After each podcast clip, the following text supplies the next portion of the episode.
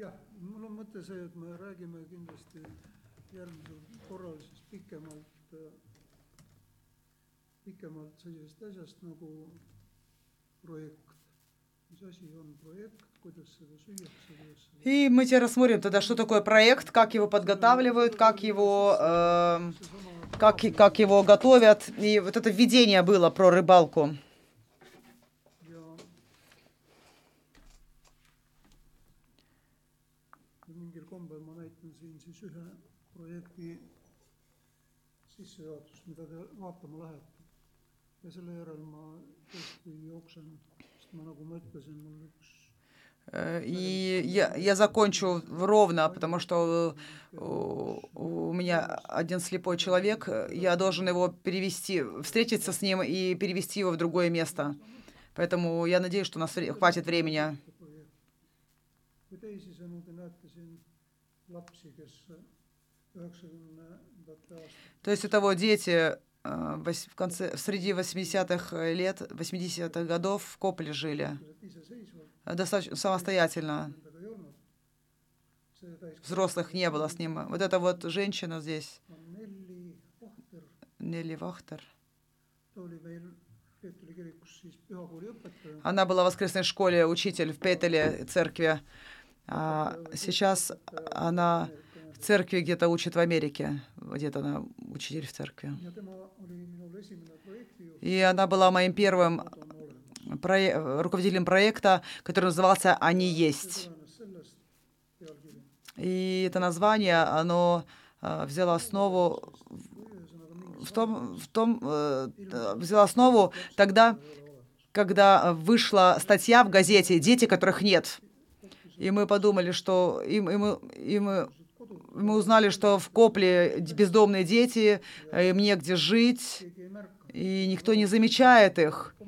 И, и социальный отдел, и все остальные, они просто игнорировали их существование. И нам нужно было признать, что, что, эм, что э, то есть. Социальный отдел, как бы, да, он не отвечал вообще на нужды, которые были вокруг. И мы нашли компашку, э, и там были от 9 до 16 лет детки, и они жили самостоятельно. И их, их было десят, де- пару десятков.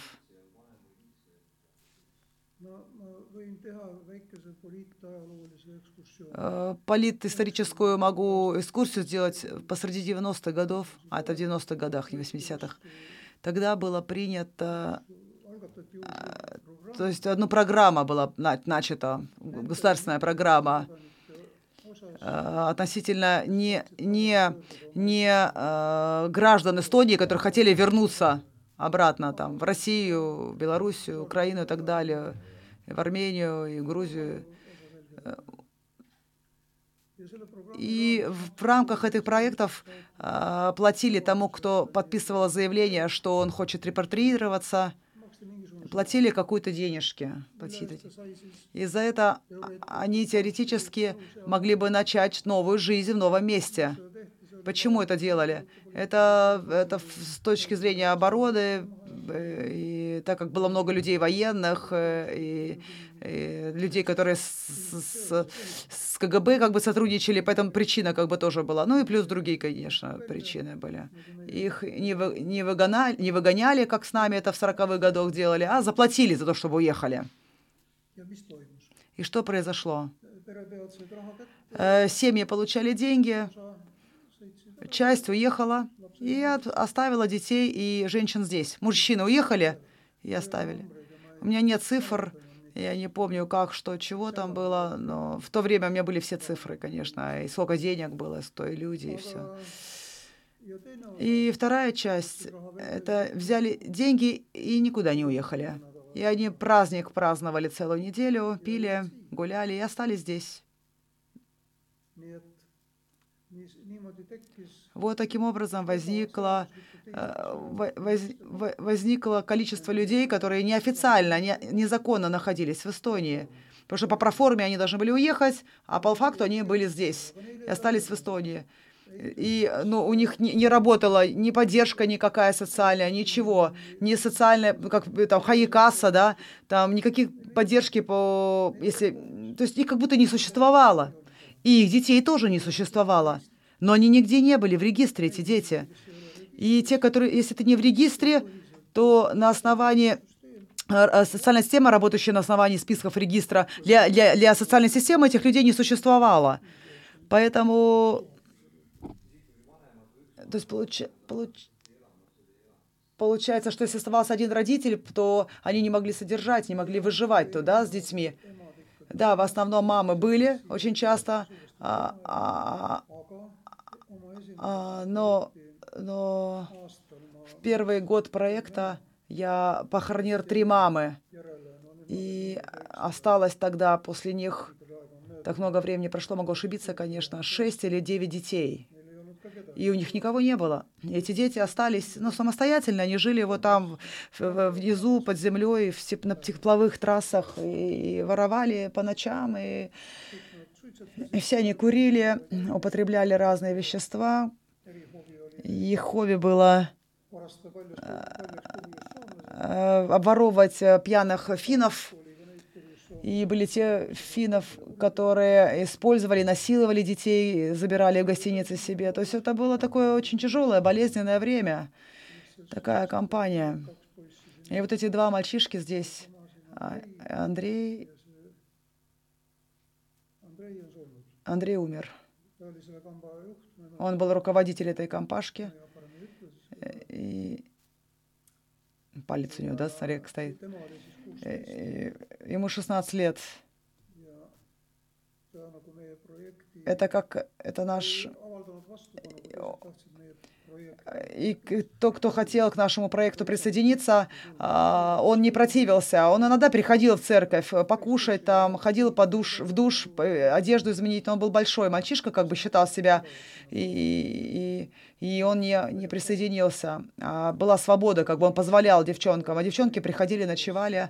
А эта девчонка, она была зависима от игр, игр ее, ее убили, в общем, отвезли в лес потом за, долгов, за долги и все. И это один из наших первых рейсов. И вот эти черные мешки, мы им отвозили еду в этих мешках. Только еду, э, и внимание оказывали. И постепенно-постепенно завоевали доверие у них. А, организовывали им лагеря, такие вот. И этот лагерь, он проходил на Сарама, мызе одной. Конечно, он не выглядит как мыза, да, по фотографии, а это была разрушенная мыза. Но мы, я не помню, как долго, но очень долгое время проводили летние лагеря там, одну или две недели, на протяжении двух месяцев, что ли, я не помню. Ну, в общем, те, которые в Пет... нюансы не помню. В Петеле пойдете, можете, наш руководитель там все помнит. И вот, вот здесь вот его звали Красивый Рома, с кличка. Он был на последнем стадии тоже красавец Рома. После этого, после этой фотографии он 20 лет провел в тюрьме.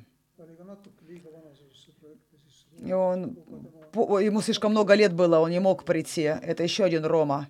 Может, не такой красивый был. Но они были уже взрослыми мальчишками, они в проекте не могли, они были в таком переходном возрасте. И, то есть, и, и, конечно же, измениться можно в 60 лет, да, но вот они...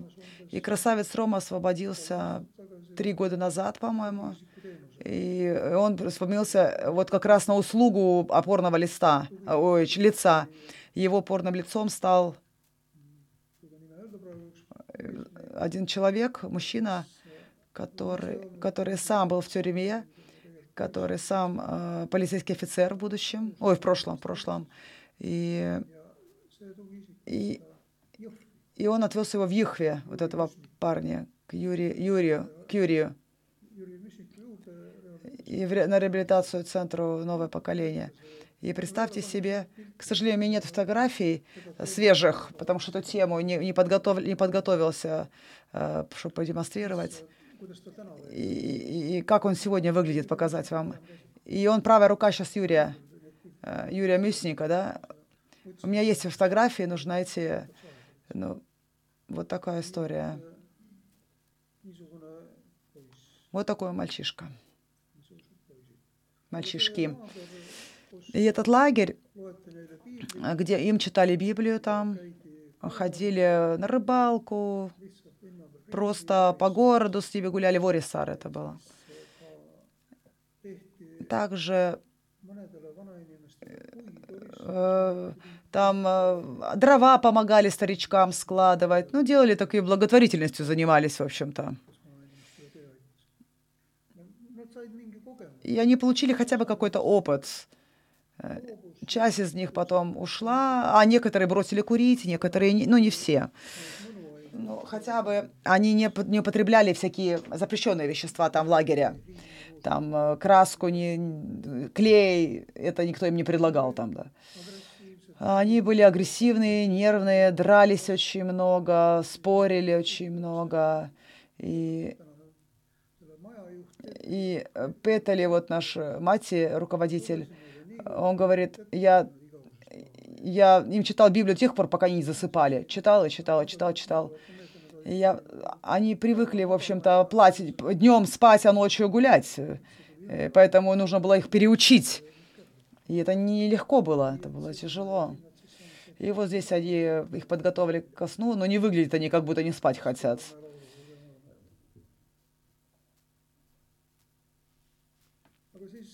И потом э, вернулись из Сарема, и у нас была такая ситуация, что вопрос, куда детей отправить. И решение взяло у нас время, немножко подольше, долго. Я недовольный был, конечно, этим темпом решений, но мы приняли, тем не менее, в конце концов, решение, что кто не хочет возвращаться в Копле, те, которые готовы остаться в церкви ночевать, у них есть эта возможность. Это, это церковь, это не стройка какая-то, это церковь на фотографии. И это зал церковный. И, и вот вы видите, здесь вы видите, как мы открывали замурованные окна в церкви, потому что в 91 году там внутри была, э, там был павильон для сня съемок, и все замуровали, чтобы было темно там внутри. И можно было, конечно, руло использовать, но такого в то время не было, поэтому замуровали просто и все. И мы мальчишкам взрослым предложили э, открыть эти окна.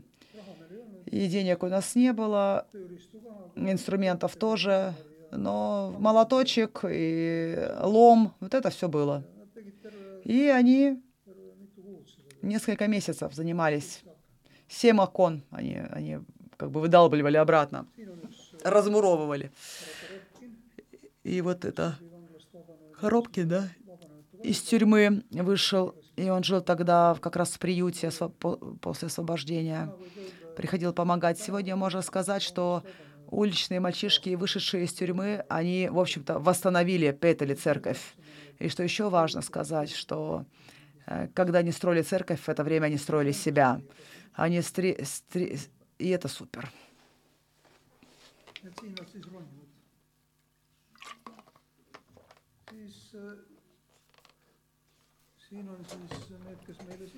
Здесь те, которые въехали к нам, те, которые жили у нас.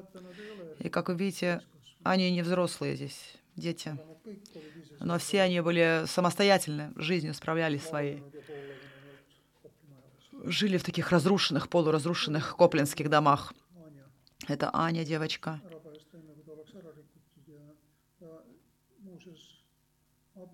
Она вышла замуж э, из-за мальчишку из методистской церкви. Теперь, и теперь они живут в Норвегии, она в армии спасения служит. Э, те, кто в Петере поедут, вы увидите эти фотографии свежие там.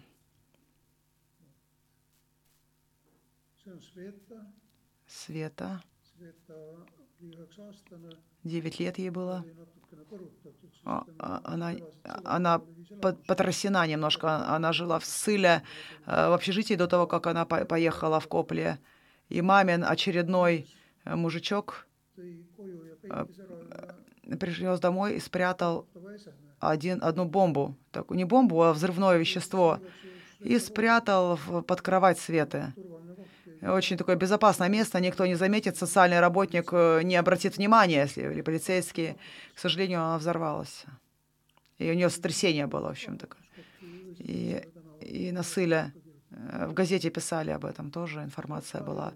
Света, ее сестра Ирина. Ирина, есть ли здесь на фотографии? Не вижу ее. И они переехали тогда в Копли на линии и посчитали, что там безопаснее, чем дома. И присоединились к этой компашке. И они были первые, кто готовы были остаться в церкви, жить. И тогда мы стали уже закручивать гайки. Э, после ремонта э, мы, мы, мы разрешали как бы приходить, уходить, а тут мы сказали, так, теперь все, кто останутся в церкви, они должны выполнять одно условие, должны будут ходить в школу. То есть у нас все строго стало. Мы не требовали, чтобы они бросили курить там или клей дышать.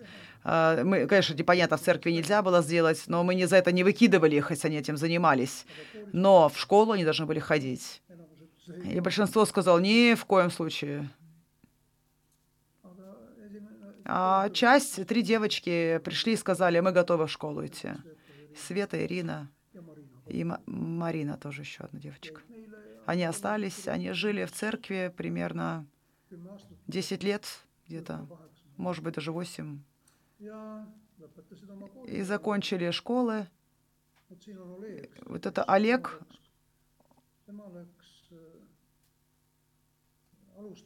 он начал, он никогда в школу не ходил, и в девятилетнем возрасте пошел в школу. 9 или 10 лет пошел в первый класс. И мы отправили, иногда его отправляли из Петеля, кличка его, да, Блатной была, 19-летний Блатной. Отправили его в Пука. Это в адвентистская церковь, э, семья из адвентистской церкви. И он пошел там в эстонскую школу. И пару лет там и учился, и потом вернулся обратно к нам. Вот такие вот хорошие мальчишки, девчонки. Это тоже, вот это Олег открывает окна. Представьте себе, э, то есть тройная стена из кирпичей для того, чтобы свет в церковь не попадал. Все размуровали, теперь свет входит, и, и теперь свет сияет и наружу также, не только вовнутрь.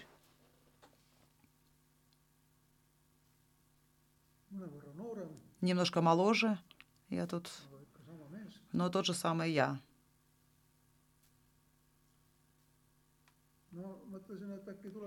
Я подумала, может, здесь это будущие апостолы? Вот этот и есть вот этот мальчишка, помощник пастора теперь в Ихве, можно сказать, да, там маленького не помню, как его звали. Но интерьер, видите, да? Вот, ага. Красивый Рома, как он? Покажи мне тоже, Ирин. А, ага, ага, классно, слава богу вообще.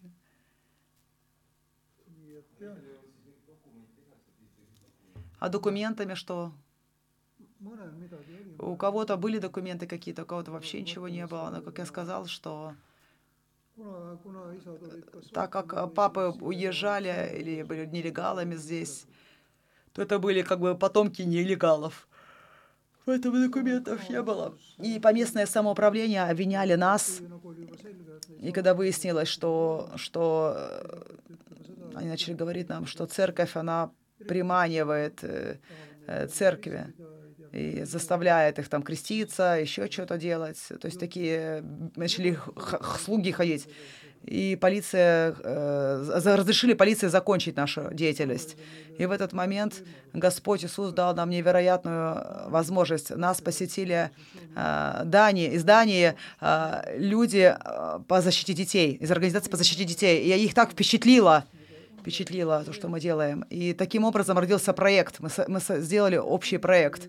И, э, и в, в таких проектах э, постоянные регулярные собрания проводятся. И мы начали э, собрания проводить на территории датского общества. То есть можно сказать, что за пределами Эстонии.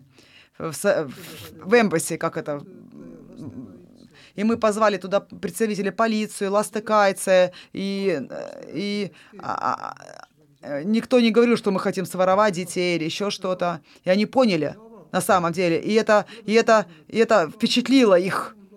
И, и, и, и они говорят, что вы можете ходить, э, спрашивать у людей. И, и, и, в общем, каким-то... И таким образом родился вот этот проект, и мы начали строить церковь.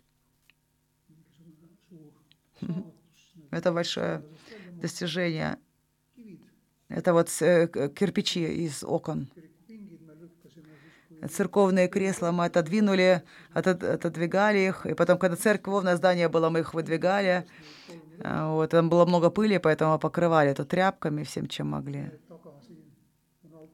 Там сзади алтарь. Немножко, конечно, ушли мы от темы, но алтарь — это очень важное такое тоже. Это простой стол, но это тот стол, Иоанн Павел, э, когда был в Таллине, папа римский, он, он на рае Коя вот на этом столе э, хлебопреломление преломлял. Какие-то активные мальчишки, э, этот стол... А, это кому не нужен был никому этот стол, этот стол мы себе забрали потом. Когда папа римский приезжал, этот стол мы себе забрали, так что такая реликвия была освященная. И, и потом кто-то пришел и сказал, можем ли мы купить этот стол. Я сказала, приходите через какое-то время, потом поговорим. Еще не возвратились. И стол до сих пор у нас этот есть. А это окна, которые мы открыли. Вот эта стена замурованная выглядит теперь совершенно по-другому. ma arvan, et see oli kaheksakümne või vabandust, üheksakümmend kaheksa 90... ой, Как это, 89-й год, по-моему, это был. 89-й. Нет, все-таки в середине 80-х годов те дети были там. Ты правильно слышала. А это на Сарама. mis koolid need on, kodumajanduskooli, Это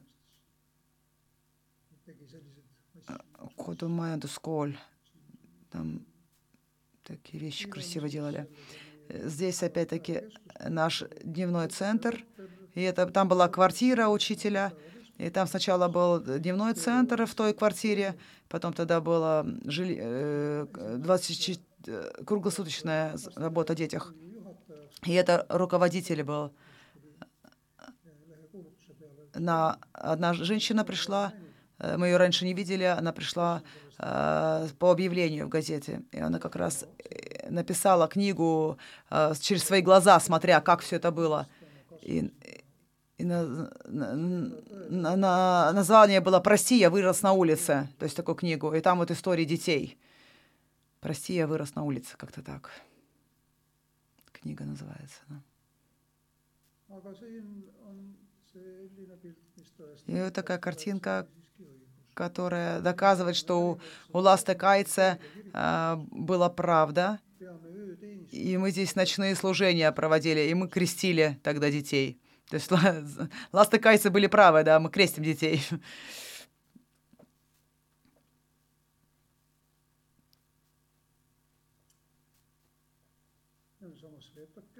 Это Света.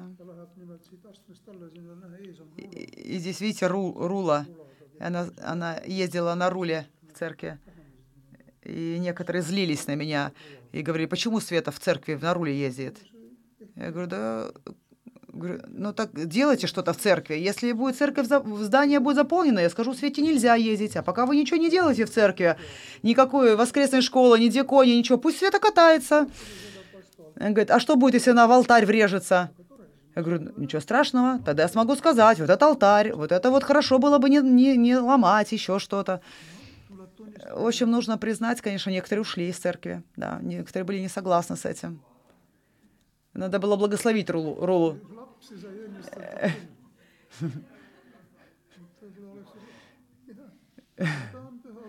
Святая Рула. Ну да, потому что она содействовала евангелизации. Это тоже в Петеле фотография сделана была после реновации. Пола, полы. И здесь такое все черное, такое некрасивое.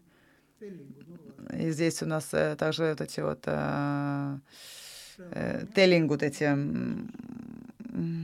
ну, которые строительные, как они, ладно, не свая, а забыла. В общем, кто-то тут не знал, кто-то, кто, кто-то из детей тут не знал язык, а потом выучил и получил гражданство, вроде что такое, что тоже в газете писали про это. Но здесь еще годы до этого фотография. Это мы, э, бригада второго этажа.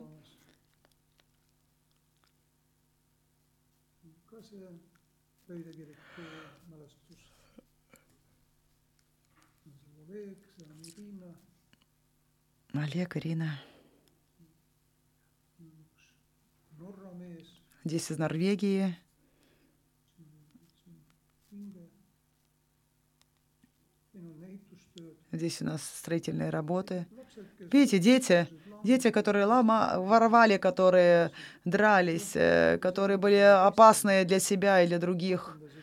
Они применили э, свою энергию, выплеснули во имя строительства церкви для того, чтобы себя строить. И, на мой взгляд, это невероятно. Такое красивое время моей жизни. Если даже кто-то не считает так, э, то я считаю, что это самое прекрасное время. Хотя это было непростое время. Э, Детская эксплуатация, да, это нас обвиняли. За то, что мы продаем детей, нас осуждали, воруем детей, осуждали нас. Вот такие, такие истории. Э, Что здесь происходит, не помню. Может, здесь крест на, ставят на крышу, не помню, что здесь делали. Этот крест, кстати, он был тоже замурован, и мы разломали. Теперь это, это, было, это было такое наслаждение. Приятного аппетита. Были такие совсем малыши у нас.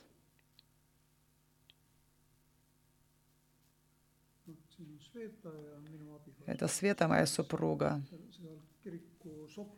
Э, На цокольном этаже мы открыли дневной центр для того, чтобы часть людей жила тут, там, а часть приходила, и она руководила дневным центром как раз. Я не помню, как долго. Сколько там? 10, 10 больше- больше 10 лет.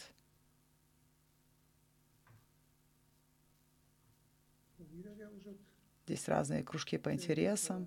Это девушка, она арм- армянка, Ани. Она и брат ее тоже пришли к нам в самом начале. Я даже не знаю, брат где-то на siin on minu suve Иримал, в Ирландии, что ли. И вот эта компашка в, на Саареmaa, и мы с теми мальчишками, мы, мы лагеря э, дела, проводили там посередине, это Мати Синисар, э, руководитель. И рядышком мой сын. Вы видели его как раз как рыбака вот этот, на первом слайде, он там с рыбой. Маленький мальчишка, который простыми снаряжением начинал ловить рыбку. ja siin on juba suuremaks kasvanud А здесь уже возросшие детки из Петели компания. Это мальчишки. Много всяких разных там приключений устраивается и, на велосипедах, и на каноэ, и, в общем, потом кур- курсы выживания зимой, там в лесу, э, потом по болотам разные путешествия. И также на море. Этот, конечно, лагерь, ой, это, это не та лодка, а, эта лодка не, не едет, она не плывет, точнее. Это тоже где-то в лагере было. Все живы. Вот такие истории.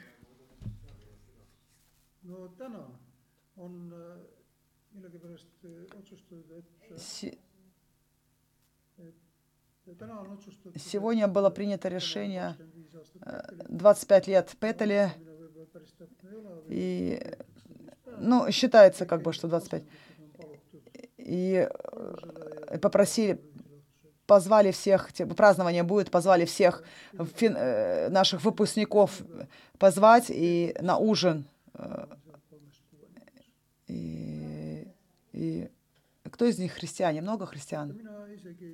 А я, знаете, я не статистику не веду.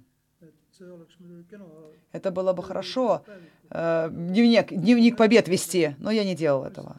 Я просто знаю, э, кстати, в Петеле члены церкви, э, никого членов церкви Петели нету, а методистской церкви, да, посещают люди, из методистов есть. И, возможно, члены пятидесятников тоже там есть дети эти, из пятидесятников. Вот такая жизнь. Но я рад, что мы могли стать вот этой площадкой, площадкой для этих детей. Спасибо всем. Если вы позволите, я должен убегать теперь. Э, Немножко, иначе я опоздаю. on Спасибо большое, было очень интересно.